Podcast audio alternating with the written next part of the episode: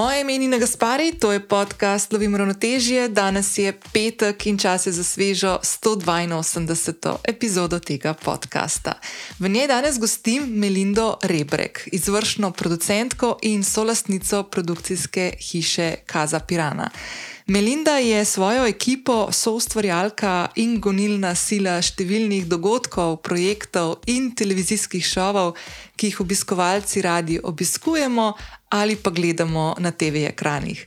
Med najbolj znanimi je Ljubljana Fashion Week, ki je v skoraj desetletju privabil oblikovalce in oblikovalke z celotne regije in širše in postal zanimiv za kupce, domače in tuje medije in seveda za nas, obiskovalce. Melindino ime se skriva tudi za oddajami, kot so Kmetija na začetek, The Biggest Loser Slovenija, Kolo sreče, ki se je odvijalo in se bo še odvijalo na planetu TV-ju pa The Real Housewives of Slovenija in še in še bi lahko naštevala.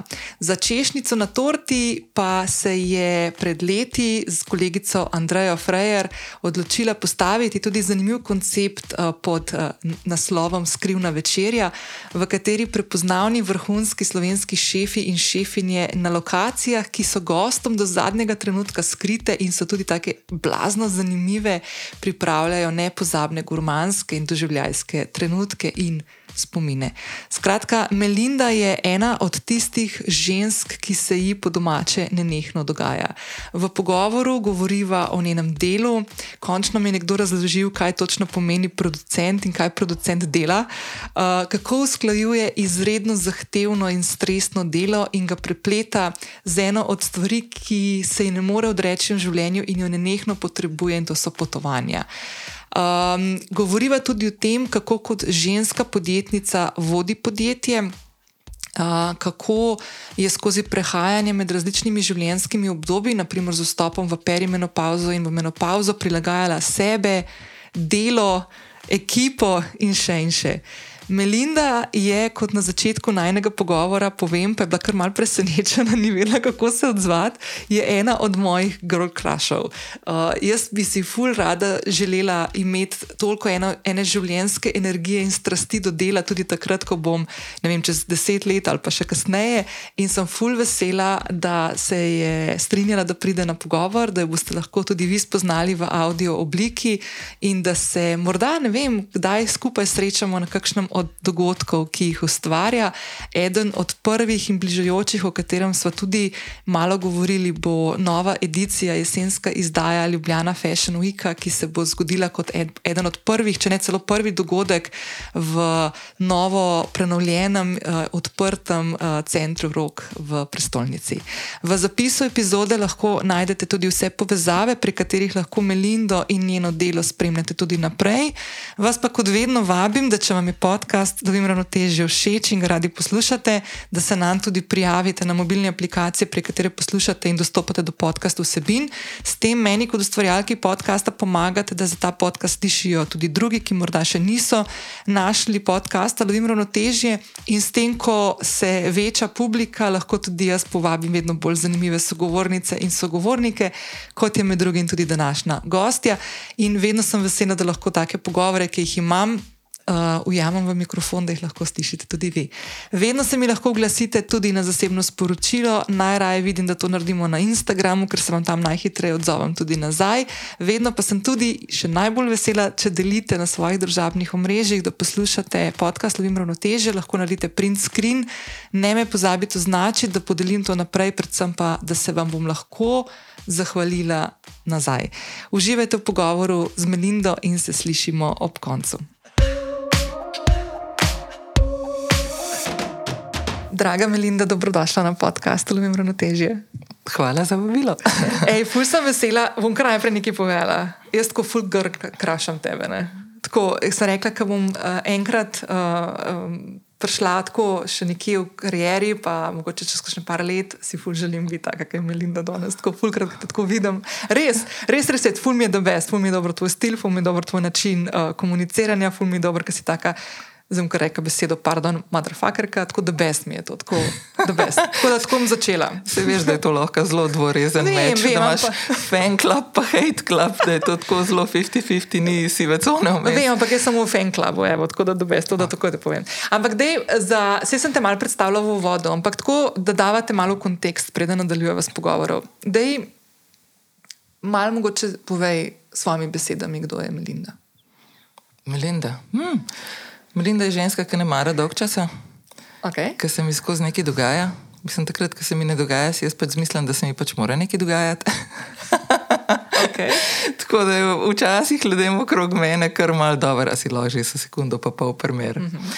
Sicer zdaj z leti se mogoče mal umirjam, pa znam tudi kakšen dan, dva ali pa tri preživeti na kavču z binžanjem uh, kakšnih serij, mm -hmm. načeloma pa obožujem potovanja, obožujem svoje delo. Um, se, moje delo me gli zaradi tega všeč, ker se skozi nekaj dogaja. Je pa tudi res, da nikoli nimam vedno enih in istih projektov, ker mm -hmm. Pač, tako kot sem začela. Ne? Ne maram, da mi je dolg čas. Ful imam rada izzive, ful se rada samo sebe nekako postavljam v situacije, ki mogoče niso najlažje. Ne? Uh, pa jaz mislim, da imam tudi eno tako karmo, da je življenje ugotovilo, da sem taka in mi tudi vedno na pot postavlja neke prepreke oziroma nekaj, kar moram premagati ali pa sebe premagati, da v bistvu da grem naprej. Ne? Uh, in se trudim to v bistvu delati z nasmehom ali pa s hitrimi eksplozijami, pa pol v bistvu grem naprej normalen. Jaz rabim pet minut, da se zduvam, pa grem pa dalje. Dej, uh, zdaj, kaj ti točno delaš? Zdaj, če, rečem, če rečem, da si, eh, to je zdaj tako fulz banalizirano, organizatorka dogodkov, nisi sam, ni samo to. Ne? Ma jaz najraje rečem, da sem producentka. Zaradi tega, ker to v pomeni? bistvu uh, zajame najširši del posla, ker v bistvu uh, produciram določene stvari. To je človek, ki je v bistvu uh, planer, uh, dela budžet, je troubleshooter vseh projektov, ki mu pridejo na pot. Uh -huh. Zdaj, glede na to, da imam jaz res raznolik CV, se pravi, začela sem tam kot statist, potem sem šla kot vodja statistov, potem sem začela organizirati filme, uh -huh. uh, delati uh, na reklamah, delala sem od organizatorja do direktorja filma do tajnice uh -huh. režije, potem sem prešla na marketinške agencije, ne, zaradi tega, ker v bistvu tudi nekako življenje me je tja postavilo, ne, sem uh -huh. zanosila ne, in pač otrok ne more prenašati tega, da mame dva do tri mesece ni. Ne, uh -huh. Se pravi, bilo treba na hipne projekte oziroma nekaj malo bolj stalnega si najdete. Sem se še tam naučila stvari. Sem začela evente delati. Skratka, uh, ne vem, pač rada imam, da se mi dogajajo stvari, pa da jih postavljam. Ne? Tako da je pa deep down, ne, sem control freak. To se pravi, imam rada roko nad projektom. Uh -huh. In tudi nekako se mi zdi, da imam zelo dober občutek za to, kaj dela, pa kaj ne dela, uh -huh. na vzven, ne? in tudi v bistvu na vznoter, kar se ekipe tiče. Uh, in zato je najlažje biti producent, ne? ker imaš potem neko izvršno besedo nad uh, uh -huh. projektom oziroma nad izvedbo projekta. Mislim, se, jaz mislim, da takega dela, ki ga ti upravljaš, če nisi kontrol frik, v bistvu ga težko. Ne? V bistvu ga skoraj da ne moreš, ne moraš imeti to vse. Ne, se iz leti A? sem se morala tudi sama naučiti to kontrol friko, so malo na, na strandet. Zaradi tega, uh -huh. ker sem najprej na začetku sem hotela imeti dejansko 100% kontrolo nad vsem. Uh -huh. Potem seveda so se začele želočne težave, -huh. živčna skozi, ko sem bila nervozna, sem se znala dreti na ljudi, pa tako naprej se to še zdaj, kdaj vsake to izvedem, ampak uh -huh. ne prav pogosto. Ne. Uh, zdaj sem se pa naučila delegirati z leti. Sploh odkar imam svojo firmo. Ne? Zaradi tega, ker pač naberem si ekipo, ki imam zelo dobro postavljeno tudi hierarhijo, točno se ve, kdo je šef sektorja in tako naprej. -huh. Je pa res, da sem vedno na koncu jaz tista, ki se lahko vtaknem in pol je moja beseda ta zadnja. Uh -huh. Je pa res, da moram vedno imeti eno tako ekipo, ki sto procentno zaupam, pa tudi v bistvu, ker vem, da so ful boljši od mene na vseh teh sektorjih. Ne?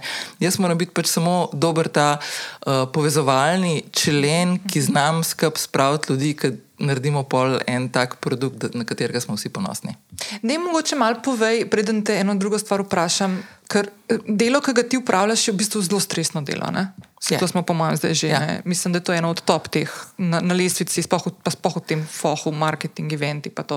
Ampak, da je mogoče tako malo za nekoga, ki si to ne predstavlja. A imaš kakšne tako projekte, naprimer, ki bi jih zdaj, ali pa dogodke, ki bi jih zdaj lahko izpostavljala, naprimer tiste, ki definitivno naprimer, so jih ljudje že zapazili, opazili, videli, mogoče na televiziji, tako, kakšne take stvari, tako malo. Ja, ne vem, Ljubljana Fashion Week se mi zdi, da je eden od teh dogodkov, na katere sem ekstra uh -huh. ponosna. Ne, sicer to nisem sama, ne, to smo v bistvu en zavod uh -huh. ustanovili in smo šli pač neodvisno organizira to pač uh -huh. stran od uh, medijske hiše. Uh -huh.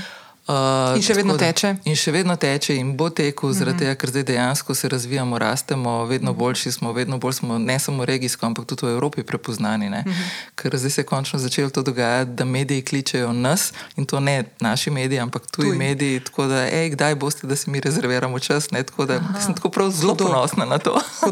ja, ja, tako, um, pa recimo tudi dizajnerji nas kličejo, čakajo v vrsti, zdaj imamo končno tudi spisek, kjer lahko eliminiramo ljudi. Ne. To se pravi, imamo preveč prijav, prijav jih ne sfolgamo v tistem enem tednu skozi.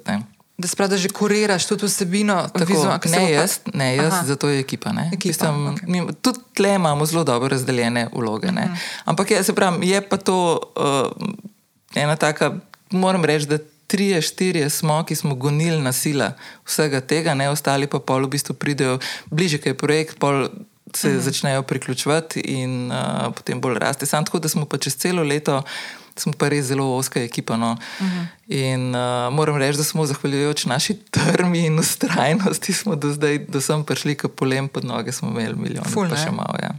Koliko časa zdaj že traja Fashion Week? Ljubljana, uh, Ljubljana Fashion Week smo začeli 2015, mislim, da je bil ta prvi uradno. Okay. Tako da zdaj bo 14. edicija. Wow. Okay. Tudi čez korono smo ga spravili. Skratka, Mm -hmm. Tako, res je eden od njih projektov, na katere sem res ponosna. Pa so pa ne vem, te razne televizijske oddaje, razno razni mm -hmm. eventi, kakšni taki večji za tisoč in več ljudi. Tudi kakšni majhni, ki so bili totalno. Mm -hmm vse je pa ni po domač povedano. Mm -hmm. ne. Mislim, ne vem, se pravi, jaz rada delam stvari, ki so mi izziv. Ne maram stvari, tako če meni pokliče na rečnik, pa reče, ja, rabimo en oder, eno moderatorko, pa dva zvočnika. Mislim, ne vem, da je kar poklici jih ne mene klicati, zato ker mm -hmm. me se s tem ne da ukvarjati. Ne. Mm -hmm. Pa ne to, da mi je kaj premajhen, samo meni to preprosto ni izziv, v bistvu mi je mhm. zguba cajt. Mm -hmm. In za male evente porabiš glih toliko časa, kot za te velike evente. Mm -hmm. Uh, izplen je manjši, pa zadovoljstvo je manjše na koncu. Uh mhm. -huh. Je pa res, da ti gre tudi zelo veliko živcev, počasa, ne za to, ampak uh, se pravi. Jaz sem brada stres, čist za res. Ker uh, ja, mislim, na nek način me to poganja in me nekako hranja uh -huh. tudi mlado. No. Okay. Kako pa handlaš na drugi strani to? Veš, ena, dve stvari se zdi tako umenila, se mi zdi, da je ful dobri. Delegiranje, ne? Za nekoga, ki je naprimer, to, da ima ta občutek, eh, te bitke, ki imam tudi jaz, bajdo, te bitke z nekim kontrol freakom v sebi, ne, uh mhm. -huh. delegiranje, se mi zdi, to jaz, naprimer, tem ful nisem, zato sem furada one man band. Uh, Um, pa ki bi se po mojem fulu tikala, veš, na koncu še vedno pa bila pametna. Mogoče manjka včasih, no, ampak še vedno imam se mi zdi, da to je ful izziv. Pa druga stvar, da v bistvu imaš to stresno situacijo, pa je moraš nekako pol uh, handlat, da um, umirjaš tudi sebe. Mislim, jaz sem že od nekdaj to, da v bistvu v najbolj stresnih situacijah, v največji paniki sem jaz najboljša. Jaz meni se takrat čist zbistrijo možgani in zelo dobro znam ločati uh, balast od ta mhm. najbolj nujnih stvari. Ne? In jaz dejansko, jaz takrat samo pomislim, kaj je nujno, oziroma brez česa se bo projekt podaril, in se pol tistega lotem reševanja točno tiste zadeve. Uh, pa tudi v bistvu pri odnosih, pri ljudeh, vem, imam tudi eno tako intuicijo, da točno vem, kje se bo težava uh -huh. zgodila, še prej uh -huh. se zgodi. Uh -huh. Sej, uh, vedno imam težave, takrat, ker te intuicije ne upoštevam. Ja. Tako da ja. tle sem malo čarovnico, oziroma tle imam malo tizga, ki vedno rečem na, na začetku. Mislim, imamo v bistvu vodje pisarne, nekaj vedno rečem tako, hej, mojca, boš videla. Ne? In pol mojca mi lahko reče, mater, smela pa res. ja, ja. Tako da uh, je pa tudi tako, ne, ko pride, se tudi pri meni pride do totalnega overloada. Ne? Jaz v bistvu stres nekako, nekaj časa sem ga full športom handla, full sem hotla kajtat, ne vem, vajkala sem veliko, na bolj da res sem hodila plezati naprej. Mm. Pol v bistvu korona me je nekako počasnila in se nehala športati. Uh, sem imela tudi osebno trenerko, pa se ne, ne vem, neki me je, skratka, se je zdaj sama, pa se je v bistvu že zaradi let, pa zaradi tega pomankanja kondicije, vidim, da bom spet morala začeti nekaj delati, ne verjetno ne več tako ekstreme, ne. Uh -huh. sam kondicijo pač moram pridobiti nazaj. Druga stvar so pa potovanja, pa koncertine. Uh -huh. Jaz moram vsake Najkasneje na tri tedne moram nekam riti odnesti ven z Ljubljana, ker če ne se mi bo trgal. Okay. Res rabim te city breke, vsaj dva, tri dni, da grem nekam, kjer ljudje drugače govorijo, kjer je drugačna klima, uh, ni problemov, ne, oziroma so drugačni problemi, pravzaprav, ki me niti ne brigajo takrat uh -huh. v mhm. tistem trenutku. Ne. Skratka, rabim reset, tako uh mhm. -huh. kratek. Na, tako na ene tri, štiri mesece pa rabim kar eno potovanje, tako tudi, makar lahko je podaljšan vikend, ampak pač nekam dol ali pa uh -huh. na toplo. Ne? Uh -huh. Ej, uh, ki si se ravno kar pred kratkim vrnila z enega tazga. Uh, Ja, na menorki sem na bila, ja, menorki. ja. ne? Uh, no, pa me zanima, ker si bila zdaj na menorki, koliko v bistvu skozi. Trenutke, ki jih tam doživ, preživljaš, naprimer, nekje na neki novi lokaciji. Rečemo, a to si bila prvič zdaj? Ne, si, Na si- Menorki si- sem bila prvič, prvič. ja. Okay. Ja. Sprav si prvič na neki lokaciji. Koliko, naprimer, um, stvari, ki se čez dan dogajajo, pa jih opaziš, lahko je hrana, lahko je arhitektura, se vse. Kolikrat se spomniš, to je pa fuldora ideja, to pa lahko, naprimer, nekje to je pa lahko lepo koristiti, ali pa to je pa fuldora ideja in se ti dobi za nek projekt. Vse to Imaš meni ful sploh ne? futre. Ja. Sam dejansko, jaz imam ideje takrat, ker sem prosta. Ja. Ker takrat si sprostim, ker tudi tako je, ne? ti, ki si utrujen, ti kreativa zamre. Ja. Jaz dejansko ta job delam v bistvu zaradi tega, da se lahko lotim kakšnega bolj kreativnega segmenta. To se pravi, ne samo zlaganja številk, pa tizga cenkanja z naročniki, pa uh -huh. razlaganja, kaj je prav, pa narobe, pa komandirati ekipo uh -huh. levo, desno. Uh -huh. Ampak jaz rabim videti event. Ne? To se pravi, moram si ga splanirati, moram nekako vedeti, kam hočem iti in kakšen feeling hočem doživeti s tem mm -hmm. eventom. Ne? In to je ta, uh, ful se rada vtaknem v scenografijo, pa tudi doskrat si jo sama zamislim, uh, ker to, to je meni gušt. Jaz sem tako zelo sem vizualen tip, pa zelo imam uh, dobre ideje. Pravzaprav, ko sem delala za druge, ne, ne vem, v eni firmi, eventarski, smo bili, so, so me klicali kar malce smetarne. Zato, ker vse stvari, ki so nam ostale v skladišču, sem jih jaz nekako znala reciklirati, pa v bistvu postaviti kako drugače, da gre event skozi s čim manj stroški, ima izgled tako v milijon dolarjev. Jaz imam s tem upcyklingom, recyklingom, imam res gušt. Ampak, ej, ena stvar, veš, kaj imam jaz, ful, um, le zdaj smo pri meni doma. Jaz sem to stanovanje, to me zdaj tako ful smešno, sem prišla to stanovanje gledati, ker so še prejšnji noter živeli. In je tako vsaka stena neke druge barve, tako pač čist ne moj stil. Ampak meni se je zdel tako ful velik flet, ne, tako veš, pa tle bil kavč, pa posla velika, pa otroka sem imel, pa mek mačko, pa psa, pa v glavnem. Meni se je zdel tako ful velik flet.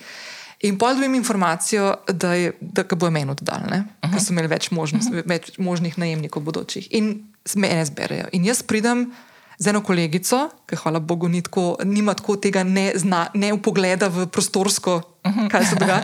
Jaz pridem v tam pr- prazen flet in se začnem jokati, ne? ker mi je bil totalno mehen, sem rekel, fuck, jaz sem naredila ful napako, kva sem jaz naredila, to ful ne bo, to bo čez grozen. In ona mene gleda reče. Pa ne, lej, tle to, tle to, tle to, vse ima. V glavnem, hočem ti povedati, jaz totalno nimam te prostorske orientacije, jaz sprejemam en prostor in se mi zdi, bom videla prazen, pa bom prišla pa noter, ker bo naprimer event postavljen, pa si mislila, kako ti to imaš. Ne? Ja, jaz to imam, jaz to res imam, jaz to obožujem. Se pravi, meni men je tudi tako. Recimo, ena od stvari, jaz ne vem, kako hudiče bi splanirala svojo novo bajto. Aha. Ker mogoče niti ne bi znala vnaprej planirati, kaj vse za ene prostore rabim. Ne? Jaz Aha. znam svoje potrebe postaviti v stvari, ki že obstajajo. To se pravi, vsakič, ko sem uh -huh. menjala najemniško stanovanje, jaz sem si vsake luknje dejansko naredila full lep flat. Ne. Tudi zdaj smo kupili eno hišo uh, v Istri, staro kamnito, ki je res v bistvu notranjosti sam za zažgati, pa na novo narediti. narediti ne. In jaz točno vem, kako bo izgledala. Aha. Jaz na tanko vem, koliko imam prostora za kjer stvar in znam vse to noter postaviti. Ampak če bi mi zdaj le en rekel, da jim v bistvu uh, bajto splanirati from the scratch, ne, pa tako, kako bi jaz to naredila, dejansko. Ful dober. Ful pogosto razmišljam o tem, kako hudiče, kaj bi si jaz pravzaprav sploh želela. Ne? Sam to je v teh časih, zdaj, ko govorimo o reciklaži in o reuporabi določenih stvari, ki jih že imamo okrog sebe, je to ful dobra prednost. Ja, Ne vem, vse mogoče je to, a veš, to še iz časov socializma. Ja. Mislim, jaz sem gor rasla takrat, ko v bistvu ni bilo nič, ne vem, kva v štacunah. Sem se morala šivati naučiti, zato da sem vsakič, ko sem šla ven od turista, ne. sem si zašila novo cuno, ja, halo, drugače nisi mogel skoraj prijeti, ne. Mi nismo bili tako blizu meje, da bi šli lahko vsakič Ja. četrst, pa si nabavljali nove stvari, ne. Mm. Recimo. Pa jaz se spomnim, moja mama je čisto vse ponudila, ne vem, dvakrat, trikrat, babica isto. Ne? Nekako mi je ostalo v meni. Ne? Je pa res, ne, da sem vedno zelo navdušena od nekdaj listala te modne časopise, pa te arhitekturne, pa dizajn, Aha. pa take stvari. Ne? Tako se mi je to nekako usedelo. Ne? To, to mi je en tak hobi. Res prav od nekdaj, odkar pomnim. Ej, čakaj, ti si ljubljančanka. Ja, jaz sem rojena tukaj, ja, drugače moji so pa iz Vojvodine. Aha, Fotor okej. je pol Hrvat, pol Mačar uh, iz Novega Sada, Aha. mama je iz Kule, ampak je tam vojvodinska Mačarka. Ne? Tako da Fotor je bil pa drugače v Priško- v Priuškovem bendu basist. Okej. In so iskali basista, je prišel v Ljubljano, potegnil mamo za sabo, jaz sem se tle rodila, tako da to je to. Jože Privšek. Jože Priušek, ja. Pa veš, da je možno, da je tvoj oče mojega dedka pol poznal. ker Moj dedek je pa ful z Jožetom Privškom. Moj dedek je napisal mandolino glasbo, prvo slovensko A, okay. popevko. Ja, verjetno. Po mojem so se poznali. Pol, Te ja. starci se si poznajo med sabo. Ja. Kako dobro. Okay, okay. Ne, uh, dej, veš kaj, um, okay, da gremo malo nazaj v to, v to tvoj del. Kaj men, uh, kaj ena stvar, ki se pa vedno zgodi, tako čisto po prvi spovala. Kaj jaz, kdaj kakšna stvar, ko vidim, da se ti tako razburaš, kaj tako veš. Ne, ne, ne, ne, pa tako, to se zgodi, pa to. Ker, By the way, Ja. so se prej, preden smo začeli snemati, se tudi jaz, ne, da ne bo Ja. ja. zdaj to tako zgledalo. Veš, kaj se meni zgodi? Jaz sem v agencijah delala, po mojem, vse skupaj dve leti. Imam zelo slabe spomine na to, jaz se ful nisem znašla v tem. Jaz Sej- sem si pol ful našla nek, sta, nek svoj mir in mi je zdaj v bistvu. Um, Malo sem sicer prežvečila to, kar sem včasih mislila, da nisem ta prava podjetnica, pa to, ker sem se delam sama in bi mogla imeti ekipo. Zdaj sem to predelala, mi je v bistvu full fine, da je tako, kot je. Pa tudi skladno s temi časi, zdaj, v katerih živimo, mogoče niti tako ne umem, da me sem prepeljal. Ampak včasih, ko kakšno tako tvojo stvar vidim, se full, full grem nazaj v tiste čase, ki je bilo res nek tisti. Um, Stres zaradi tega, da je stres, zelo velikrat. Ni bilo, poveza, ni bilo povezano s tem, da je bilo nekaj fulno roba, ampak je bilo treba, to, ta hype je bil skozi, skozi je bila neka drama, če pa ni bilo, bilo ja, treba to stvar. Se. In nimam veze s tem, da ti to napišeš. Mene sam potegne nazaj in si mislim, oj, oj, oj, oj, oj grozen. Ne? V nadaljevanju z Melindo govoriva o upravljanju stresa, kako ga sama upravlja in katera je tista stvar, po kateri največkrat poseže za svoje optimalno lovljenje ravnotežja. Eden od znakov stresa je tudi potenje. Potenje je naraven in nujen proces delovanja telesa, ki uravnava našo telesno temperaturo. V stresnih obdobjih se potenje lahko ojača in tudi takrat je pomembno, da ga pustimo in da ga ne preprečujemo. Jaz sem naprimer pri sebi opazila, da se mi ob jačanju potenja razvije še malo bolj neprijeten von kot običajno in ta von ustvarja delovanje bakterij, običajno na predelu pazduh. Najboljši način, da von zakrijemo, sem že pred leti tudi jaz našla v naravnih izdelkih iz slovenskega podjetja Nelipot. V podjetju Nelipot so se že na začetku svoje poti pred petimi leti zavezali k minimalističnemu pristopu manj je več. Svojo zavezo so že v prvi sezoni priljubljene TV vdaje Štartaj Slovenija, v kateri ponujajo priložnost slovenskim start-up podjetnicam in podjetnikom, navdušili žirijo in na koncu sezone prejeli naziv Hit Produkt leta. Skrbno izbranimi sestavinami, ki naravo pripeljejo v naše domove, so v Nelipotu razvili prepoznan na- naravni deodorant v stiku. Narejen je iz takšnih sestavin, iz katerih bi dejansko lahko pripravili sladico, naprimer slastno pito, in jo na koncu tudi pojedli. Nelipotovi deodoranti so narejeni v Sloveniji, so certificirano organski, naravni in večinoma primerni tudi za vegane.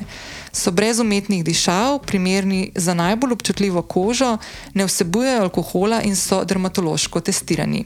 Meni je naprimer všeč, ker ne preprečujejo potenja, ki je nujen in naraven proces, in uh, ob enem zadržijo razvoj neprijetnega vonja. Uh, to običajno se zgodi, ko naprimer uporabljamo kakšen navaden deodorant in potem s časom nekako razvija potenje in, in ta izdelek nek tak tretji von, ki je zelo tak spet neprijeten. In to je ena še dodatna prednost, ki sem jaz opazila ob uporabi nelipotovih deodorantov. Da je njihova sposobnost točno to, da ko s časom von deodoranta bledi, ostanek deodoranta in naš znoj ne razvijata še nekega tretjega vonja, kar je precej neprijetno. Neli Potova filozofija temelji na skrbi do nas in do okolja. Embalaža za deodorante je iz biorazgradljive plastike, ki o pravilnem recikliranju najmanj obremenjuje naše okolje. Še več, v Neli Potu te vabijo, da jim pošleš deset porabljenih praznih embalaž za stike, v zameno pa ti pošljajo nov deodorant po naši, tvoji izbiri. Neli potove izdelke lahko po novem, poleg trgovin Špar, najdeš tudi v poslovalnicah DM po vsej Sloveniji. Če svoj nakup upraviš na njihovi spletni strani www.nelipot.si, pa pripiši kodolovim 15 za 15 odstotni popust ob naročilu. In še to, zgodbo in filozofijo podjetja Nelipot lahko spoznaš v 106. epizodi tega podcasta, ki je bila izdana približno dve leti nazaj in v njej sem gostila njihovo direktorico Tino. Nelipot lahko spremljaš in z nakupom podpreš na www.nelipot.si, stisneš sledi na njihovem Instagramu, ker tam najhitreje zveš o vseh njihovih novostih v ponudbi. Nelipod, trajnostna naravna kozmetika, narejena v Sloveniji. Kaj vse ti še lahko pomaga pri upravljanju stresnih situacij, pa ti bo v nadaljevanju zaupala moja sogovornica Melinda Rebrek. Ma, ja, mislim, se pravi, to začneš pa z leti malo predelovati. Jaz sem tudi, uh, redno sem bila na eni agenciji, potem sem v bistvu delala za velike event agencije, nekaj sem bila tudi više manje, tam sem redno morala hoditi tja. Mislim, meni pravzaprav mi je bil stres glih to, da nisem mogla reagirati tako, kot sem jaz hotela reagirati. Ne. Tako da, je, pa, je pa treba kdaj popizditi, je treba kdaj ven, da ti sebe stvari, ki zboliš drugače. Mm -hmm. Jaz ne vem. Jaz, mislim, meni so skozi vsi govorili, da sem neprilagojena, da sem grozna, da sem arogantna, da ljudem ne morem direkt povedati stvari. Pa tako naprej. Mm -hmm. Me gre to na živce, ne? jaz ne morem tega držati v sebi. Mm -hmm. Ker konec koncev tudi ti, ki delaš v eni agenciji, pa se naročniki te zato kao najemajo, ker si ti večji strokovnjak od njih. Mm -hmm. To se pravi, ti jim moraš povedati, če ga oni serijo, oziroma če grejo v napačno smer. Mm -hmm. Ampak to je bil totalen no-no. No, zdaj, odkar sem na svojem, sem to spremenila. Ja. Tako da tudi v bistvu tisti naročniki, ki delajo z mano, uh, so nekako navajeni na zelo direkten odnos. Uh -huh. Ker uh, sem se odločila rokavičke snet, ker je v bistvu to bolj zdravo za vse nas. Tiskane dojame, da mu jaz hočem dober, polje bož, da v bistvu da ne delamo uh -huh. skupine. Uh -huh. uh, se, jaz mislim, da ta stres na agencijah v glavnem izhaja iz nemoči odločanja. Ja. Ja. Sam veš, kaj je to, to kar tako zdaj opazujem. Um, če sem en podcast poslušala, pa je um, ena američanka razlagala o teh veš, milijar, milijarderjih, da imajo te pissing konteste, kdo je boljši, pa un Elon Musk, pa to pa se zdaj streljujejo v vesolje, kdo bo tam ne vem, kva zgradil prvi grad, ne vem, whatever. Ampak v glavnem, v bistvu gre za to, da se večina teh ljudi, ne, pa ne samo temi, se so tudi pri nas, ne, marsikdo, da se obdaja res z ljudmi, ki so kimovčki, ki v bistvu jih. Ja, to narobe. Valjda, ker si ustvarjaš večji problem na dolgi rok. Oziroma, itak boš ali bo šel, ali pa te bo požrl ta sistem in boš konstantno nezadovoljen, ja, neizpopolnjen, ne, nobenega smisla v življenju, pri delu, ki ga delaš. Sej, zato mislim, jaz, jaz sem si tudi zaradi tega v bistvu nabrala ekipo, ki si mi upa povedati. Uh mhm. -huh. Mislim, da se jaz znam biti strašna, kadar uh, popizdim, oziroma kadar uh, mi kdo dvigne pritisk. Sam sem full rada kontraargument. Uh -huh. Se usedemo, se pomemo, pa tako naprej. Če nekdo misli, da je nekaj boljši, ne mi pove, da je boljši in bom razmislila. In če je res boljši, ja, uh -huh. argument taken, ne? gremo naprej. Ne? Uh -huh. Tako da, tega, ka, če ti v bistvu imaš okrog sebe samo ljudi, ki ti skozi kimajo, mislim, ti lahko drviš direktno v prepad, pa ti noben tega ne bo povedal. Ja. Tako da to je totalno brezvezene. -hmm. Hvala Bogu, imam tudi partnerja zdaj obsebne, ki je dejansko brez dlake na jeziku. Zato se zelo veliko dereva en na drugega, sam po drugi strani je pa to končno najbolj iskren odnos v mojem življenju. Mm -hmm. To se pravi, da vse sprot spucaš. Vse sprot spucaš, vedno veš, kje si in tudi točno veš, v katero smer hočeš iti ali pa noč iti. A vi delate tudi skupaj na primer? Ja, mi imamo firmo skupaj. A prav tako? Ja, se to je. To je Kako v bistvu... to? Mislim, jaz s tem nimam težav. Ne? Jaz sem vedno znala ločiti uh, delo od privatnega. Tudi prej se mi je znalo zgoditi tako večkrat. Ne? Sej sem bila poročena v bistvu s TV snemalcem zelo dolgo časa, ne? tako da jim je znala delati na, mislim, na istih projektih, pa tako pol tudi naprej. Ko se mi dva ločila, sem imela kakšnega fanta uh mhm. -huh. iz uh, te eventarske ali pa produkcijske scheme, kakorkoli. Znam se pravim, jaz znam ločiti privatnega od, uh, privatno od dela. Uh mhm. -huh. Je bilo pa prej vedno težava, kdo je šef probajt. Se, to in. je problem, ker ti, ki se doma skregaš, preneseš vse uno, če se ti v službi. Jaz sem imela ta išil, da če smo se doma spičili, pa smo skrb delali v službi. Pa je bil bolj se pravim, zdaj teh, moram reči, zadnjih osem let imam jaz to rešeno. Ker dejansko, mislim, jaz, če sem producent uh, dogodka ali pa oddaje, je moja ta zadnja. -huh. Bom poslušala mnenje in se bom jaz odločila, kako uh -huh. bo. Zaradi tega, ker ljudje podpišajo pogodbo z mano, jaz sem direktor firme, je res, da imam 50 posto solastnik, uh -huh. je pa tudi res, da imam jaz, ne vem, 35 let izkušen, on pa ne vem, 10 ali pa 12 v tem Aha. poslu. -huh. Pa še mhm. tudi ne na produkcijskem področju, ampak na izključno tehničnem. Aha, on bo tehniko bdil. Ja, ja, tako okay, da, ko hudo. pride do tehnike, jaz poslušam njega, oziroma uh -huh. hočem imeti razlago, zakaj se kakšna stvar zgodi. Včasih uh -huh. hočem imeti zelo pokmečk razložen razložen, tako da je povem jabolka in hruške, zakaj je to boljše od unga, uh mhm. -huh. in se pa odločimo, kam gremo naprej. -huh, uh -huh. Je pa dejstvo, ne, da producent mora vedno na koncu imeti zadnjo besedo, oziroma mora odločati o končnem uh, izidu projekta, oziroma o teh ključnih odločitvah. Ja. Ker vedno bojo mene vprašali. Ne. Zakaj je to tako. In In jaz moraš moram vedeti, vedeti ne. za vsako stvar, zakaj je to tako. In moš tako dobro vedeti, poznati, da znaš nekomu, ki ni iz tega foha, hruške pa jabolke, pa tudi Ja, razložiti. ne. na koncu, mislim, jaz se včasih tako dojemam kot mama Aha. projekta. Ja. Sam je res, ne, tudi če imajo sodelavci imajo težave ali imajo privatne, jaz moram to nekako navohati. Ne. To se pravi, če imam privatne težave ali pa ona se vse en, ne, moraš videti, ker točno veš, da nekje bo počel. Mhm. In pol se te stvari se da s pogovorem ali pa mogoče malo z. eh, prerasporeditvijo dela, ali pa kaj pa vem, te stvari se dajo vse sanirati, ne samo nekako jih moraš poloviti. No. Tako da v bistvu tudi, se pravi, doma je pa isto. Ne? Uh, sam, tako, sej, do te firme, kako smo mi da skupaj prišla do firme, to je bilo čist. Uh, mi dva se dejansko, to je, tako, jaz vedno povem, ne, da, uh, da Aleš je moj najdaljši one night stand. Ker mi dva se v bistvu srečala v obdobju, ko sem se odločila, da moški pa ne. Da imam Dost imam. dost tega, da ko imela fizično potrebo, si ga nesla domov, pa one gre pa kamerče, pa ne me vsi pustijo primer. Okay. Ne, ker do zdaj smo vsi nekako probali ali preuzgojiti, ali so rabili mamo, ali so rabili denarnico, ali nekaj takega, ne pod izgovorom veze. Aha. Uh, ali je bila pa pač preprosto nezdrava veza, ne? v bistvu tako zelo. Pa se pač odločila, da jaz tega ne rabim. Ne?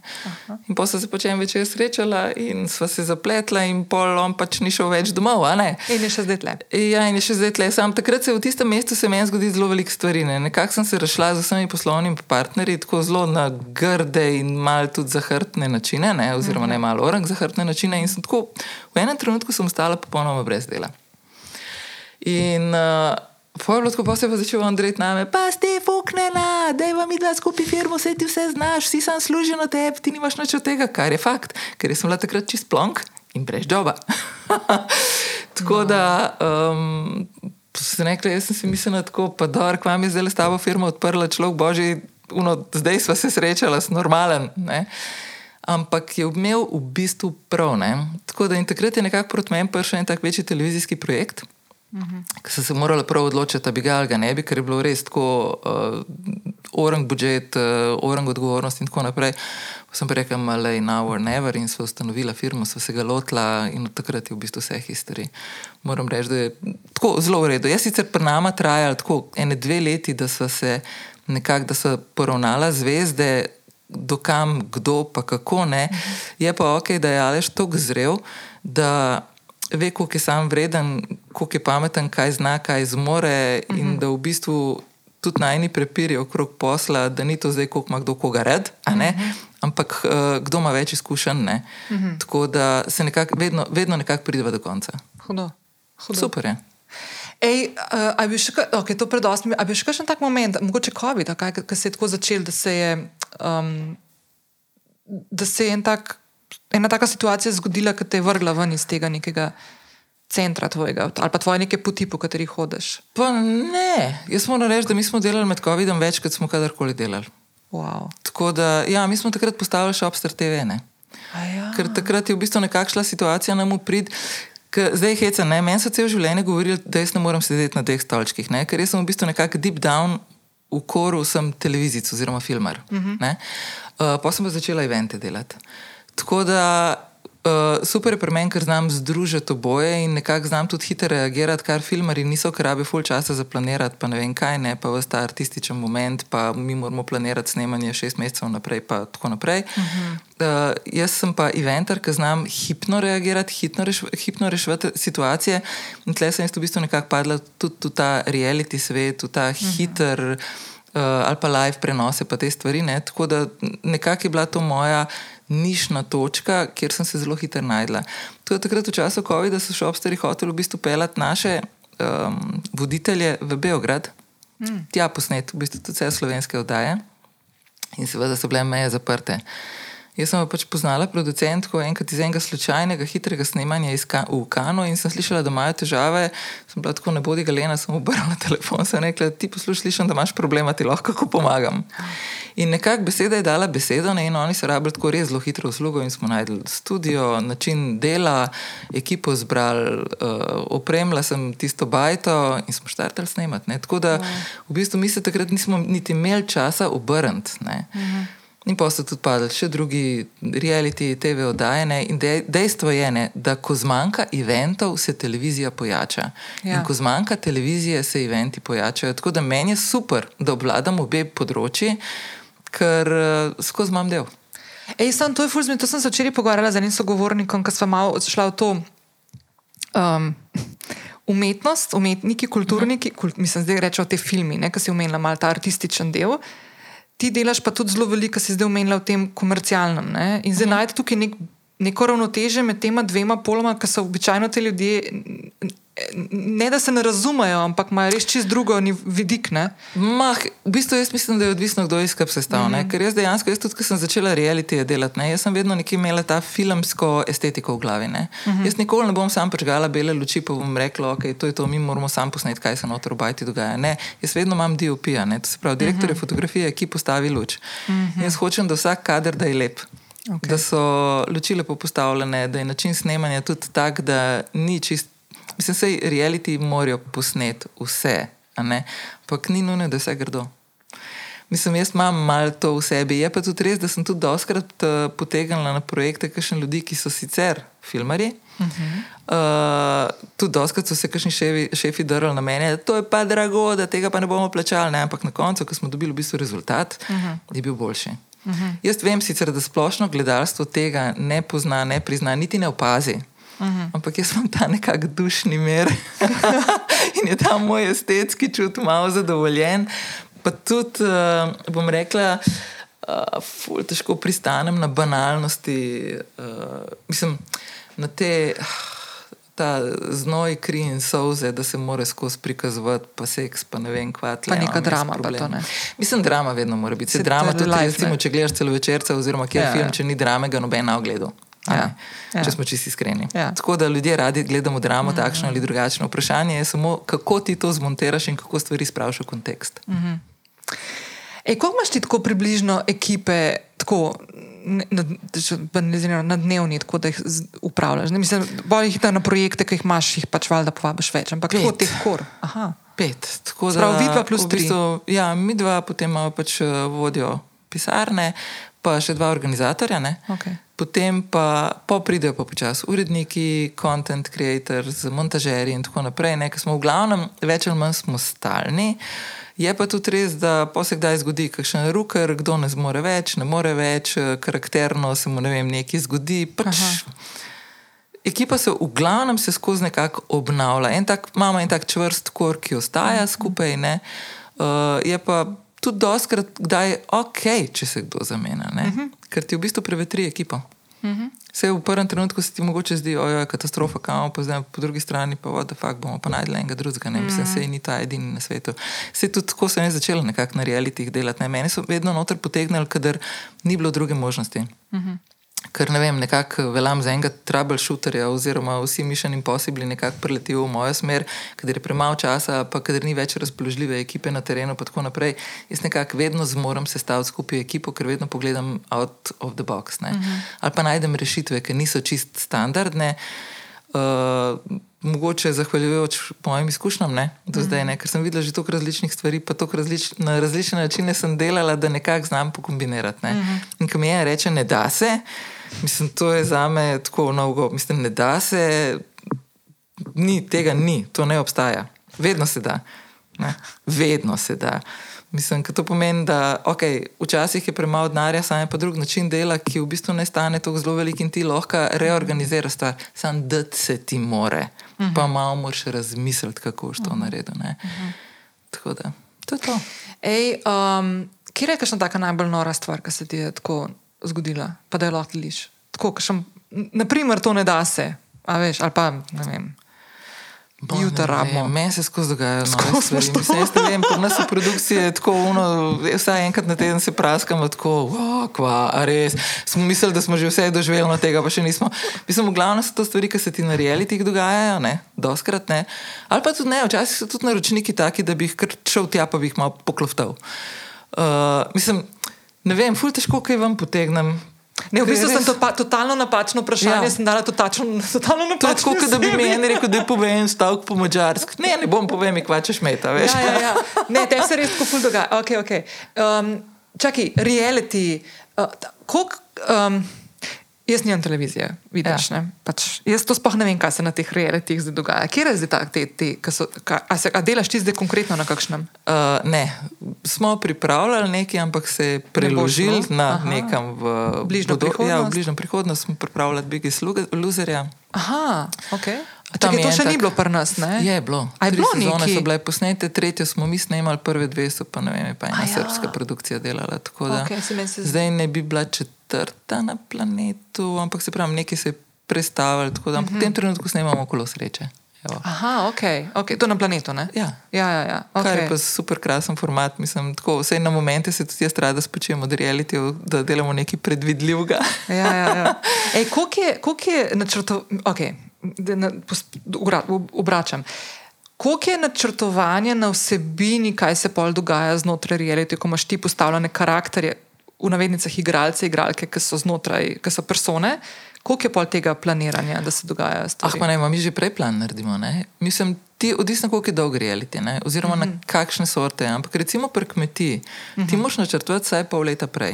Mm -hmm. Nam se sicer doskrat zgodi, da imamo tri mesece ali pa celo dva meseca prej, ker recimo tisti traja snemanje tri do štiri mesece mm -hmm. in v tistih treh do štirih mesecih ljudje živijo od stvari, ki jih uh, zasadimo mi na kmetiji, oziroma od živali, ki jih pripeljemo na kmetijo in tako naprej. Mm -hmm. Se pravi, če ti sadiš stvari na kmetiji, ki jih morajo oni v nekem določenem trenutku požeti, obrati in tako naprej, Moraš to planirati ful toliko prej splanirati in pol seveda tudi posaditi in upati, da ne bo kakšne ujme vmes ali pa ne vem kaj. Ne? Uh -huh. Tako da načeloma te neke osnovne naloge imamo, mi vedno imamo plan narejen.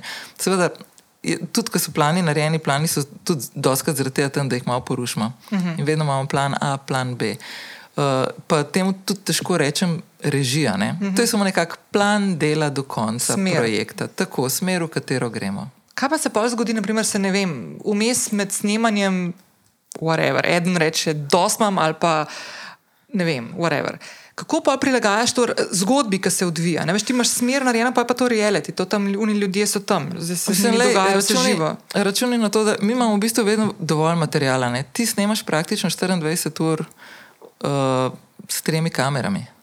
Zračunaj, koliko je to materijala, pa koliko je to enega dogajanja. Mm. Mi se moramo v bistvu vsak dan odločati, kaj je ta rdeča nit, ki jo bomo vlekli. Mm -hmm. Tako da, zdaj, če ta rdeča nit ne zdrži, gremo v drugo. Zdaj, a je to nek spor med njimi, a je to neki, neko načrtovanje med njimi, ali karkoli pač. Dejansko je to stvar odločitev. Uh -huh. Ker tudi, če se nič ne dogaja, imaš ti kaj pokazati za unih 45 minut na televiziji. Uh -huh. Ker je res je materijala, je res, res, res velik. Ne? Tako da tudi to, kar ljudje rečejo, da to vi vse zrežirate. Ne, mi nič ne zrežiramo. Uh -huh. Oni tam so, oni imajo v bistvu odnose med sabo, ne? mi se moramo samo odločiti, kateri odnos bomo pač vam potegnili, kjer je tisk, ki ga bojo gledalci radi gledali. In videl na koncu materijala, tistega, ki ga ne vidimo, je še Tako. več ne ostane. Ja. Res ga je veliko. Ja. Ej, še en projekt, ki ga delaš uh, že kar nekaj let, je tudi uh, ena taka stvar, ki pa jaz nažalost še nisem bila, ampak imam v planu. Pa zadnjič sem videla v Ljubljani eno lokacijo razsvetljeno tam v Pegelzenu. Pegelzno? Skrivna večerja? Skrivno večerjo. Ja. Dej razloži zdaj ta projekt. To, mislim, to je pa taka, tako ful. Ja, to ga pa skupaj z Andrejem Frejerjem Ja. ja. delava. Ne? Ja. Ja. To je najn dušni projekt, v bistvu. to je tisto, kar delava iz gušta. Uh -huh. Ker v bistvu tako, Andreja je imela prej en lifestyle blog uh -huh. in uh, tako hrana, pijača, ona je ta hedonist. Uh -huh. Jaz pa pač rada delam evente. Ne? In uh, do takrat priznam, da nisem bila nek hud foodie. Ja, mislim, da jaz rada dobro pojem, če me nekdo nekam pele za dober pojez, da pa jaz zdaj planirala, da grem nekam dober jesti, ne pa ne. Jaz sem v glavnem jedla zato, da nisem umrla od lakote, a ne tako neki tacga. Okay, ja. mislim tako, eh, da zracionaliziram stvari. Ne. Se pa pa seveda tudi zalešam, ne, ki je seveda tak eh, pristani štrijan, ne, zelo rad je, pa se skozi daruna, pa ne moreš sam kar neki jesti, to mora biti dober. Ne, tako da, skratka, tako se je začelo graditi to moje. Uh, Priznavanje dobre hrane, oziroma da res, da sem začela paziti na hrano, pa začeti gledati, kaj je dobro, kaj ne. ne. Uh -huh. In z Andrejem so seveda skupaj telovadile, pri najni skupni aha, osebni aha. trenerki, in pol seveda, valjda, takrat, ko najbolj trpiš, razmišljaš o momentih, ki so ti fajn, ne, v kje si kaj dobro pojedel. Pa tako pa je pa rekla Andreja, da mi da nekaj skupaj narediti. In uh, so začela malo, kaj pa kako ne, in dejansko te skrivne večere so se nama zdele zanimive, ne? ker je pa tako ne. Ne ona, ne jaz, nekako nisva usmerjeni k tem easygoing projektom, ne? ker skrivna večerja je v bistvu prodajanje mačka v žaklu, čist za res. To, da ljudje pridejo. Razlož, ja. Ja, to je tako, ne? v bistvu ljudje kupijo meni vnaprej in ne vejo, kaj bojo jedli, niti ne vejo, kam bojo prišli. Pa kdo Mi jim bo kuhal? To, kdo jim bo A kuhal, ja, ja, to- veste. povemo. Ja. Okej. Medve objavljajo na spletni strani, kdo bo kuhal, kateri je datum naslednje skrivne večerje, pa koliko stane meni. V tem meniju so 4 do 5 hodov neke. Pač uh Mhm. -huh. menija izbranega šefa, uh, pripadajoča vina, digestiv, uh Mhm. -huh. pa vode. Uh, in, ampak noben ne ve kaj. Okay. Tako da to je v bistvu ena od onih stvari, ki teh eh, alergikov, posebnežev, je že tudi na spletni strani napisano, da naj ne hodijo ljudje, ki imajo alergije, ki bi radi kakšen poseben meni, ker tega mogel, mi ne. nimamo. Ja, ne boš mogel tega prilagoditi. Dejansko mi, valjda. kar menijo, prodamo, to, ki jih tudi uh, kuhar skuha, ne? uh -huh. oziroma šef uh, naredi, in takrat je pol to. to. In to je to guštanje fudijev, ki se naberemo na kupu ne? In imamo v bistvu en tak lep večer. Uh, Seveda, oni kaj o meniju zvejo šele takrat na licu mesta. Pridejo tja, uh, tri ure prej jim pošljemo na mail. A ja, to sem dobro vaš. Tri Ja, ure prej zvejo. Tri ure prej izvejo. Medve sicer vedno objavljajo, je to Ljubljana, je to Aha. Primorska, je to okolica Kopra. Da se zorganizirajo Pač je to, da se zorganizirajo, ja, ja. ampak dejansko morajo tri ure prej na mail pogledati, ker imajo pa mikrolokacijo, to se pravi naslov, kam morajo priti, kam pozvoniti in tako naprej. In se pa oni tam pojavijo, dobijo meni v roke in šele takrat pa vidijo, kaj bo jedel. Ampak vedno so tu take lokacije, to ni tako v eni restauraciji, ne? vedno so Ne. tako neke Tako. special. No, kje ne ste sme kaj bili biti tako? restauracija. Ja, okay. Mislim, ne vem, bili smo v, Ruševi, v Grajski štali, recimo Ruševine gradu Hasberg, ne vem, v Pivškem muzeju, eh, na gradu Prem, ki doprej ni bil nič tako kulinarično. ki je v Čakaj, to je tam ribanca dol neki. Ne. Ne, to je pa Ilirski bistrci. To je Ja. ta ob cesti, Ob cesti na Prem, morju. ob- Ja, ja, ja, ja. tam moraš malo No, tam. desno zaviti, pa iti do gradu uh, Okej. okay. Prem, ne, zraven je v bistvu Kete se rodil, ne, to je v isti uh, vasi. Ne. Sam je dejansko tako nepraktično to vse skupaj postavljeno na enem hribu, da moraš vse ročno gor nositi. ne. Tako, takrat smo švicali, kot psi, je bilo 35 wow. stopinj in smo wow. morali vse od pečic do mis do stolov gor nositi. Ampak seveda, ko so gosti prišli, smo morali biti lepi, krasni in spočiti. Res. Tako da, ali pa ne vem, bili smo v trgovini Harley Davidson, v tistem steklenjaku nasprot živalskega vrta, ki so ga tudi podarili. To prva je bila v križevniški cerkvi, ne z Binetom. Točno, ja. Tako da Kdaj, mislim- kje, kje, kje je bila ta, mislim, kdaj, kjerega leta ste začeli? 2018, 2019? Dva, ne, prej, prej. Prej? Ja, no. prej jo, veš, da niti ne vem več. Vem, dobro, da smo zdaj več. 30 ali 31, smo jih naredili. No. Ja, ja. A pa se kdaj kakšen kuhar ponovil? ja. Ste se? Ja, ja. Okej, ja. Eh, Bine pa Tomšič sta se ponovila, ampak doskrat tudi tako sam za zaključeno družbo, ker pa se nam tudi doskrat zgodi, ne vem, da nas kakšne zaključene družbe kličejo, da vem, 20 do 30 ali pa 45 ljudi, recimo Aha. to nam je en tak maksimum, uh, da pridejo do pol, tudi sam za njih naredimo, da ni to zdaj taka javna Aha, skrivna ali pa za večerja. kakšno firmo, naprimer, če bi hotela, pa to Tako, valjda tudi ne. tako, tako. O, hudo. No, um, jaz sem pa full foodie. Um, ne bom te vprašala, ker je tvoj najljubši kuhar s temi, ki ste sodelovali, ker je to nekorektno. Ampak dej, um, kam, uh, zdaj, ki si tudi ti uh, začela uživati v hrani. Ja. um, kam pa tako greš rada ti kaj pojesti? Mislim, lahko pri nas, lahko pa kje drugje. Kje je tista stvar, ki te naprimer tako full? Pa ne vem, jaz rada raziskujem. Ni okay. zdaj, da imam prav nekam eno. Res, mislim, ja, vračam se ponovadi le v Meksiko zraven, ki na Šiške, ki imajo odlično meksiško hrano, ampak je pa to zraven nas doma, a Aha. ne. In vedno, ko imam pajke v hladilniku, takrat gremo tja To ne velja, to ne velja, ker to je uno po hitrem spisku. To ja, ne velja. ja, ja. Ne, ampak tako drugače pa ne vem, ful raziskujem. Okay. Mi da se tudi tako, ne, mi da se totalna cigo, to skozi potujeva okrog, ne, ali pa imam sestanke levo, desno, ne, in vedno se pol pozanimaš v tistem območju, kjer pa ti greš, pa poiščeš, pa greš probat. Čeprav mi imamo to srečo v Sloveniji, da v bistvu imaš ful veliko dobre hrane. Ja. Kamorkoli tako, mislim, ne? Se naletiš lahko na kakšne boljšite, ampak dejansko tako prideš, pa si kar presenečen. Ne vem, Italija je recimo taka, ne, da tam tudi ni ja. slabe hrane. Ali pa ne vem, Mačarska je krasna. Ne, mi zdaj zelo veliko snemamo tudi na Mačarskem, ne, ker v bistvu delamo uh, produkcijo v njihovih studijih. Ne. Aha. In je krasen, ker se preselimo pol z ekipo za par tednov v Budimpešti in potem lahko raziskujemo. Ne, in, je, in je res, res, res fino. Ej, by the way, čez dva tedna gremo v Budimpešto prvič, pa ko nehala snimati, mu vprašala, malo, No, kaj, kaj je fajn. Ej, drugače pa veš, kje sem pa jaz zdaj bila ta drugič. Uh, lani smo šla road tripat po Evropi in smo šla prvič v San Sebastian in smo padla dol, hrana. Predvsem. Mislim, da je to ful hud mest, a zbladaj. Ne še. Moršit. Okej. Res, ful je, dobra, ful je dober vibe, uh, ful je lušno mesto, ful imaš teh butikov noter, ki zginjajo. Veš, tudi v kakšnih francoskih vasicah, ki vidiš, kakšne ko ima obleke, pa torbice, ali pa ne vem, cela trgovina, ful velika, same gumbi, pa nitke, pa te štiri. Tam je en festival. ni? Ja, filmski, fe, filmski Ja, ja, ja, festival je ja, ja, septembra. no, no, ja. No, ampak je mesto, ki je totalno kulinarična tako prestolnica Evrope. Okay, good to know, check. Hudo. Mi smo še letos šest dni sam jesti. Ja. tako res, ful, ful, ful, dobro. Pa ti tapa si njihovi, pa tako da best. Um, veš, kaj sem te hotela še vprašati? Um, na začetku sem rekla, da te mal girl crusham, ne? Zdaj pa v bistvu si bom dovolila eno stvar, pa komot lahko rečeš, da ne bi eh, šla v to smer. Ampak uh, jaz sem mal za tabo, sto, sto, ko, ko, ko hodam, ne? Mička mlajša sem od tebe in me ful ena stvar, ki me zdaj v zadnjem času ful fascinira. Ti si poslovna ženska, podjetnica, ne? vodiš ekipo in tako naprej. Kako ti kot ženska, prej si že malo namigvala, kako si se ti skozi sploh ta vem, 40 leta in kasneje, kako si se prilagajala sebe v nekih situacijah tega, da vodiš podjetje, da si da, aktivna, unoleva. A opažaš, da si se ful spremenila, da si mogla kakšne stvari pri sebi pokorirati, prej si malo telovadbo omenila, pa to, da si malo spustila kakšne stvari. Ampak kako, a si imela tako kakšen challenge na tem področju? Mislim, kako to misliš, kot uh, vodenje ženske moški ali Ne, kot ne, ne, kot ti, fizično? ti fizično, tako fizično, mentalno, Mislim- čustveno, a si imela tako kakšne take stvari, ki si opazila, da moraš ja, lej, prilagoditi? menopauza te napade, a veš, po, se pravi, una, predmenopauzno obdobje, pa menopauza, uh -huh. ki zdaj dejansko, mislim, pri 54 sem že deep in. Tako da in je bilo treba to pretelovati. Saj to je to, ne, ker jaz sem v bistvu tako zelo happy go lucky. Človek, ne? Jaz se zjutraj zbudim načeloma z nasmehom na obrazu in meni je svet še lep, dokler me ta prvi človek ne znervira. Ampak, uh, pol pa, ne vem, nekako s časom te začne, jaz dokler nisem ugotovila, da je to menopauza, ne sem bila kar tako, pa dobro, kaj se To, no. dogaja. Ne? Ja. Uh, te ene take mini depresije te napadajo. Un, to, to sem se počutila tako, kot v Snoopy, un model, ki hodi z unim črnim oblačkom nad glavo, pa ki mu skozi dežuje. Ne.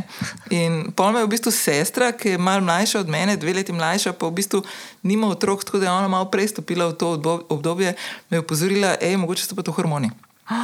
Okay. In dejansko sem ugotovila, da so to hormoni. Ne?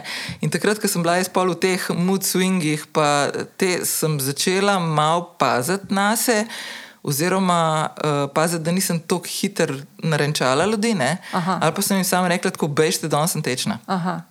Tako da to je bil ta moment, ko sem morala, zdaj pa, pa seveda se začnejo valunge, pa ti skozi vroče, jaz zdaj le skozi pahljače okrog hodim po svetu, uh, odpiram. Ko, a ti dolg časa že to dogaja? Ja, nekje po 45 se je počasi začelo. Se je začelo, ne? Ja. Ampak tako, Ja. tako čist mic po mic, počasi, počasi. Počas. Mm. Je pa res, da zdaj zadnjih 4-5 let je pa tako, da res je tako, o moj bog. Ker recimo jaz sem zmrznen človek. Ne? Včasih sred zime slečem bundo, pa hodim okrog sam tako, ker je uno, jaz ne morem in potne strage tečejo po obrazu. Je pa res, da je hujš, kadar sem pod stresom. Aha, ja, a, ja. A ti povem nekaj. A veš, da sem imela. Najprej je ful smešen, ker nisem hodila besede menopauza v mento, ker sem se začela vprašati in spraševati in sem šla vse okrog, ne vem zakaj, ker sem mislila, da to še nek tabu brez veze. Ne? Ja. Pa ful hvala, no, ker si to tako zgorila. Ampak e, e, mene en mesec nazaj sem snimala z mojco Sekoličke, moja prehranska terapeutka, in smo govorili o perimenopauzi, sprav uh -huh. tem obdobju pre in menopauzi. In je rekla, da najhujša stvar za ženske je stres. Ne? Ja, saj je. Najtežje ga v bistvu obvladujemo in bi mogle dejansko ženske, mislim, se načeloma, če bi živeli življenje naših prednic, ne, ne vem, koliko let nazaj. Ne? Je to obdobje, ko otroci odrastejo, grejo in bi se ženska umirila in prišla v neko fazo, in verjetno tudi teh nihanj tako velikih ne, ne bi imela, ne, ne, ne bi. Ampak, ne. pazi še eno stvar. Hra, Jaz se spomnim, moja babica se je pahljala do svojega 80. leta. tako Tak, da- veš, pri meni se pa nikoli o tem nismo pogovarjali, nikoli. Jaz sploh ne mama mi je samo rekla, jaz sem šla kar pozno v menopauzo. To je vse, kar vem, nič drugega ne vem. Ne, jaz pa spomnim moje babice, ki je stala med vrati in se je tako z vrati tako pahljala. to, to je eden od njih prizorov, ki se jih res spomnim. Ne. Tako da, ne, meni se zdi čisto, kaj se o menopauzi pogovarjati. Mislim, da No, se tudi tako, recimo si na kakšnem sestanku in nenadoma ti začnejo potne srage, teč, rdeč rataš v ksih in pote gledajo, kaj je s tabo. A veš, to so lahko znaki, ne vem, da lažeš, da si pod stresom, da ne Ja, vem, kaj. ja, ja. Jaz takrat povedati, povem, ne. tako fantje, jaz sem v menopauzi, valungo imam in pol gledajo malo svoje nohte, pa malim Pa naroden. naroden. Ampak po drugi strani, ne, Ja. pač poveš, ne, v bistvu Ja, ja, ja. identificiraš problem oziroma ta svoj problem. Ja, ga se pač če ga ti ne. nimaš, pa ga tudi drug, mislim. Ma, ne. ja, ma, de, me, meni se zdi to vse bedast. Mislim, Bed- prosti vsi ljudje gremo zjutraj na stranišče, razumeš, Ja, vsi ja, ljudje ja, imamo ja, iste ja. težave, pa vse ženske pademo prej slej v menopauzo. Ej, super je, baj, da da se se o tudi tem- moški imajo v tem obdobju Vem, imajo. svoje, a veš, prebliske konjmice, da Vse ga nimajo imam doma na kavču, halo, mislim. Takrat sem se jaz zredila, se je on zredil, halo. Čakaj, vidva sta, vidva sta tudi starostno tako približno Ja, tam, tam, let, dober let je mlajši od mene. No. Okej, Ampak ja, ja, ja. to je to. Ja, ja, ja. Sem jaz bom letos 54, on bo letos 53. Ja, tam, tam, ne. Ja, Ja, ja, ja. To je to. Ej, čeprav se spomnim, lani sem na enem dogodku, eh, neka slavnostna tam decembrska scena, in, se začne, in sem bila, dve ženski smo bile za mizo desetih uglednih posl, uh, vo, uh, direktorjev podjetij ali pa vod, predsednikov uprav. In se začnejo med sabo pogovarjati o. Rač, o fina, itak ne marajo finančnega oddelka, ne, tam nam uno govori računovodki, ne morem to narediti, pa še uno pa pogledati, pa tako skozi neki težijo, ne kao ženske une tam ne. In kako imajo zdaj probleme, ker dva ste izpostavili, da imata same ženske v računovodstvu in da so med sabo skregane. Ne? In da uni to ne paše, uni to ne paše, uno levo, desno. In, in jaz v enem momentu sem se mogla več tako, una bila čistih tam, jaz pa tako. A ste mogoče pomislili, koliko so pa te, jaz rečem, koliko so pa te ženske stare v vašem oddelku? In reče, ja, ena je vem, 55, ena je tam pri 60, pa je ena 30, pa ena. Ne. Pa, sem rekla, a, pa ste mogoče pomislili, da so to ženske, ki so čisto v drugih življenjskih obdobjih in imajo čisto druge izzive v življenju. Ne? Naprimer, ne? mlada, starejša, uno zebe, uno tako, jaz bi bila tudi tečna. Ne? Ja, valjda. Veš, možgani mi je razletel. Uno, in so hitro zamenjali temo. Ne? Ampak veš, ja. to Ja. je to, ne? to totalno nerazumevanje tega, da v bistvu smo ljudje, ki se skozi življenje ali pa skozi neke obdobje eh, spremenjamo. Ne? Ma veš kaj, meni gre tudi to malo na živce, zaradi tega, ker v bistvu ženskam vedno nam, nam pripisujejo celo življenje. Uh -huh. Uno, če si tečna, imaš uh -huh. menstruacijo, ja. pol si stara baba, pa menopauza, pa ne vem, neki, neki, vse v bistvu nam vedno na hormone obrnejo. Mislim, le kolikrat so ti tečni. Uh -huh. No, in kaj je pol njim, ja, nič, sam na empir moram pa boš. Okay, zdaj sem malo posplošila, vem, da me bojo zaradi tega dal na tnalo, ampak eh, se vse ne. Dejansko, mislim, ženske ful večkrat poslušamo, da smo hormonalno neuravnovešene in uh -huh. to traja celo življenje. Uh -huh. In potem v bistvu tudi nekako uh, uh, manj te upoštevajo pri odločitvah. Mislim, zakaj sem jaz manj vredna od enega tipa? Nisem. A pa Jaz ti to točno- se srečuješ s tem v življenju? Naprimer, Uh, ja. tako? Ja. Uh, ja. Okay. Ja, meni se je dosti dogajalo, ne vem, jaz sem eno leto sem delala, ne eno leto, šest let, sem delala celo v managementu Sidarte. Ne? Uh Mhm. -huh. In v bistvu ponovadi sva dva hodila na sestanke, ne? jaz pa v bistvu še en gospod, ki je par let starejši od mene. Ne? In to je tisto, ki stopiš noter v pisarno in se vsi pogovarjajo z njim, ne s tabo. Aha, mim tebe, ne? Tebe Ja. ni. Mhm. In pa so v bistvu ugotovili, da sem mogoče malo napačno zastavila. Uh -huh. uh, in so v bistvu, ne, ker jaz sem bila tam ta zlobna, mislim, ta zlobna, ta huda od Štima. tega para. Ne. Ne, živ, dejansko mi gre na živce, ker dejansko v prvi sekundi, če sta dva, da je tip pa ženska, ne, vedno se obrnejo na tipa. Uh -huh. Zelo redko na žensko. Uh -huh. Pa recimo to že po bontonu ni prav. Mhm. Ja, če že Ne? o tem govorimo. Ja. Ja. Ej, prej, uh, v prejšnji epizodi, prej gre ta najmen pogovor ven, sem, imela, uh, sem se pogovarjala z Aljošo Harlamovim, ki je urednik uh -huh. na Cankarjevi založbi in mi je povedal en primer, naprimer tak iz te zgodbe, mislim, podoben. Je rekel, veš, Kokrat se meni zgodi, da sem naprimer, na sestanku, pa imam kolegico zraven, ki je urednica, pa je ženska, pa nekaj reče, pa ima ful dobro idejo, pa je ignorirano. Pa pa jaz to idejo povem, ali pa mislim, rekel je parkrat se tako zgodi. Jaz povem pol isto stvar, kaj je ona povedala, reče, hej, ful huda ideja, reče, ja, to je pa ona povedala prej. Ja, se to je Ne, to. to ne. To Res, ja, ja, ja. Tako da mislim, jaz sem se naučila biti glasna. ja. In tako, jaz, ne, ne, uno, jaz dejansko ne šmerglam dva posta, uno, bom povedala svoje mnenje, pozdravo in se ga bo upoštevalo in hočem imeti feedback in adijo. Uh -huh. Jaz nisem nič manj vredna od kogarkoli. Ne? Uh -huh. In tudi v bistvu nekako na ta način sem si tudi ustvarila en tak uh, uh, imič, da sem zajebana, ne? ampak pa tudi zelo direktna. Je pa fakt, da želim, da se mi sliši. Konc. Ej, veš kako, ker sem te jaz doskrat m, na kakšnih dogodkih videla, ki si jih delala. In to ponadko zgleda, da zelo malo se te vidi tam, da ko ljudi, ki so ljudje, ki si v behind the scenes. Ampak ko sem te pa videla, pa vedela sem, da ti delaš dogodek, mi je bila pa ena stvar pri tebi. Ful, ful, zanimiva vedno. Meni ti nikoli nisi zajeba nadaljevala. Meni ti, na primer, pa se ne poznava tako ful, da bi se tam neki družile. pa to. Jaz pri tebi nikoli nisem imela občutka, da naprimer, ti ne bi mogla pristopiti ali pa ti reči živo. Vedno, a veš, ni, ni Vse jaz imam ljudi rada. Ne, ne, ne vem, vem, vem ampak tako, a veš, ti si lahko, hočem to izpostaviti. Ne? A veš, ti, rečeš, da si zajeban, imajo ljudje včasih občutek, uh, to pa una tam nekaj. Ma ne, zajeban je to, jaz samo vem, kaj hočem. Ja. In jaz vem, kaj mora biti narejeno in od tega ne odstopam. In če nekdo tudi zajebe na projektu, mu jaz to tudi direkt povem. Te stvari mi pucamo. Ker recimo ena od teh stvari, ki sem se jih pa jaz naučila recimo od sodelovanja s Srbi, ne, ko smo nekaj časa delali, ne, Slovenci ful ne marajo, da se stvari razčiščujejo. Ne, Ja, Raj ja. pometajo po tepih in se nočejo soočati s težavami. In potem to potegne čez par let ali pa par mesecev, ko več in ne veš, v bistvu se ti to skozi vleče naprej. Ja. Ko so pa enkrat Srbi prišli k nam, pa so rekli, pa dobro, pa vi Slovenci, šta je s vama, razumeš? Uh -huh. In oni so direkt vse razpucali. Uh -huh. uh, pa tudi v bistvu takrat sem jaz. Doskrat morala odpustiti koga, ker ni bil dovolj dober na projektu. Uh -huh. Prej se nam to nikoli ni dogajalo. Vedno smo imeli en gnil jajc na projektu, ki smo ga vlekli s sabo in smo pol vsi morali kompenzirati za njegove napake. Uh -huh. Uh -huh. To ni ok. Ja, ne? ja. In uh, ne, nekako uh, moram reči, da tako sem prišla do te faze, da sem ratala iskrena, pa no bullshit, pa direktna in tega se ljudje bojijo. Vse to je to, kar je. Uh, Zajebane. Uh -huh. Jaz dejansko jaz sem 90% cajt, sem nasmejana. Ja, ne, ja, veš, ja, mislim, ja, ja. ono Ne, ne, jaz, jaz imam rada life, jaz imam rada ljudi, jaz se rada pogovarjam. Dobro, kadar sem utrujena, takrat pač ne, se pač umaknemo en svoj štibalc ali pa malo pizdim, pa dam ven to paro ali pa Ja. ja. grem na potovanje, whatever. Ne. Ampak tako v svojem bistvu mislim, nisem zdaj nek zmaj. Ne, ne, ne, vse to mislim. Ampak to mi je fulano, da si zdaj povedala, ker vedno gremo tako neko to, a veš, polarizacijo. Aha, zajebano to pomeni, o, to je grozno, tam skozi neka te- Eh, teženje. Ne, ne, bullshit.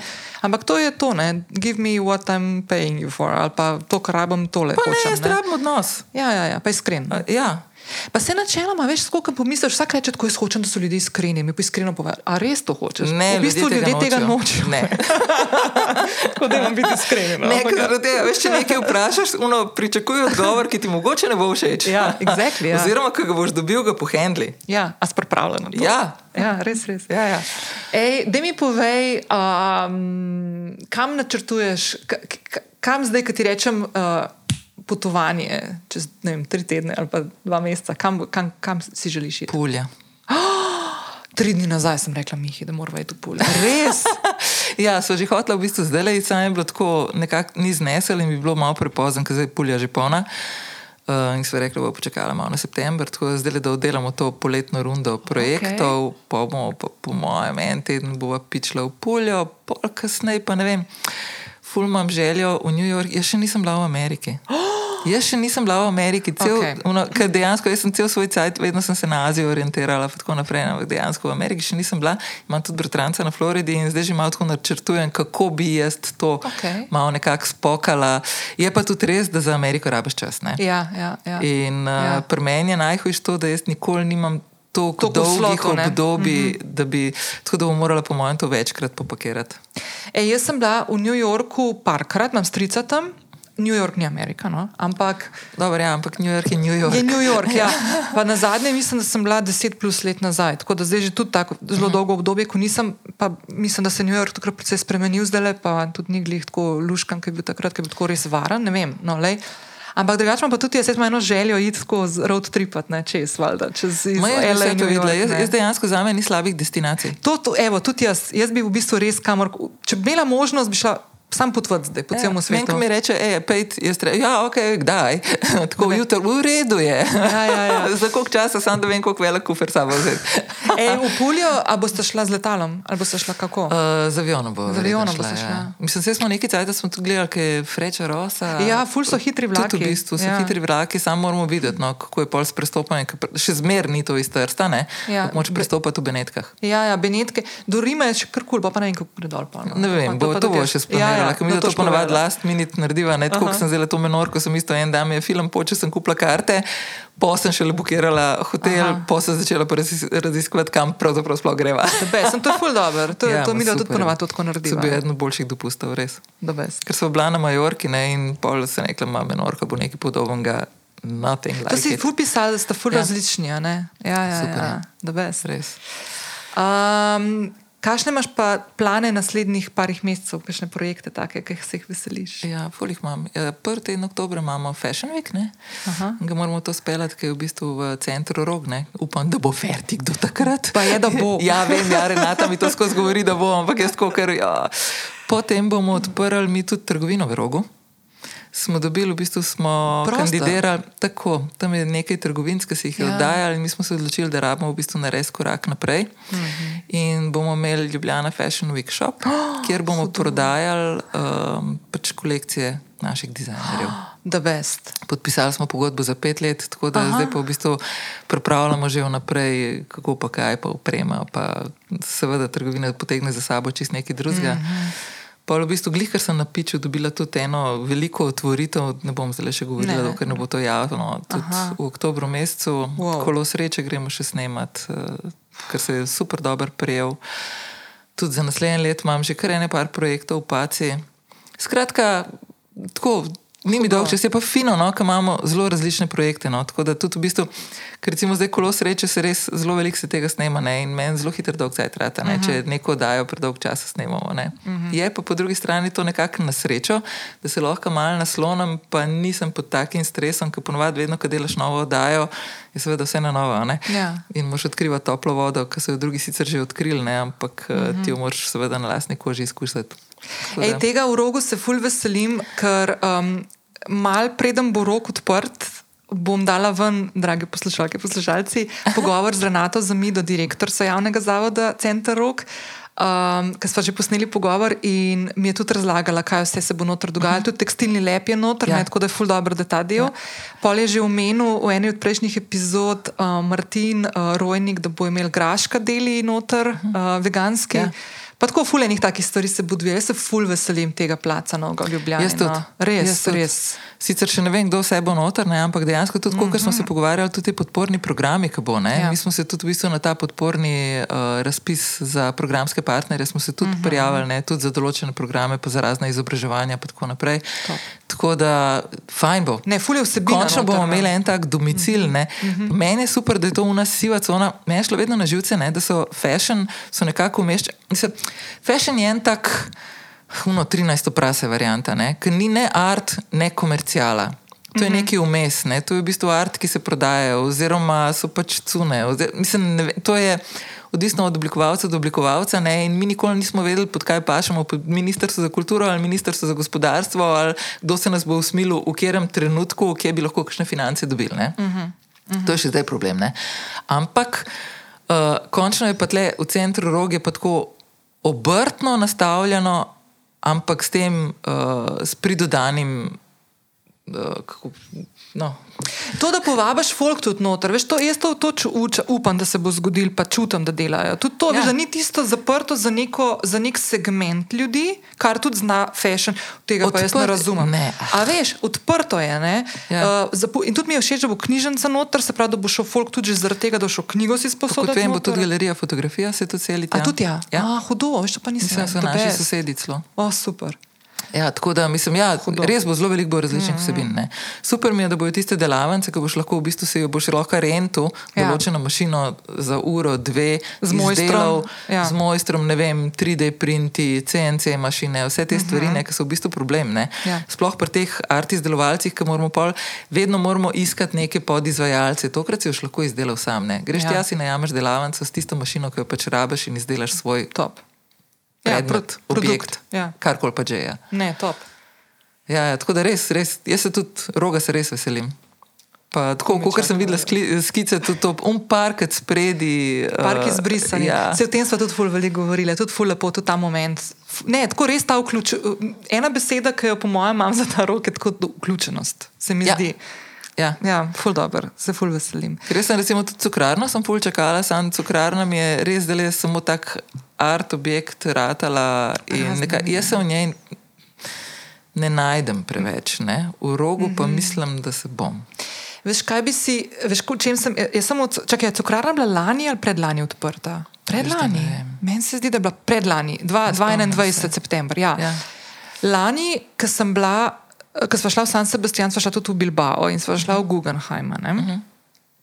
In cel čas, ko sem čez Guggenheim tam hodila, imeli so neko gostujočo razstavo nekih avtov, veš, tako, kako so se avti razvijali čez zgodovino. Uh -huh. Ful zanimivo. Až pa je ne vem, od Pink Floydov in Roger je dal noter svoj avto, naprimer. Uh -huh. Ful te vsebine so imeli. In jaz sem si tako mislila, Fakt, to bi mogli narediti v cukrarni. Oni bi mogli nek del imeti, mislim, se zdaj spametujem, tle, ker nisem na tem področju stručko. Ampak meni se zdi vsebinsko prav. Jaz, ne, veš, jaz vidim stvari, ki se dogajajo, vidim plakate po mestu, ampak mene ne potegnejo noter. A veš, kaj Pač mislim? Tam je- na kavarnica, ja, ampak to pa vem, to. Oni pač imajo svoje kustose, so, so, Ja. so zastavili program. Jaz so te stvari niti nočem vtikati, zaradi tega, ker o artu premalo vem. Tudi jaz, tudi Ne. jaz. Ampak jaz bi rada šla, pa ne, nekako ne pridem do tega, da bi šla. In ne vem, kje je problem. Se lahko, da sem jaz problem, by the way, čist legit.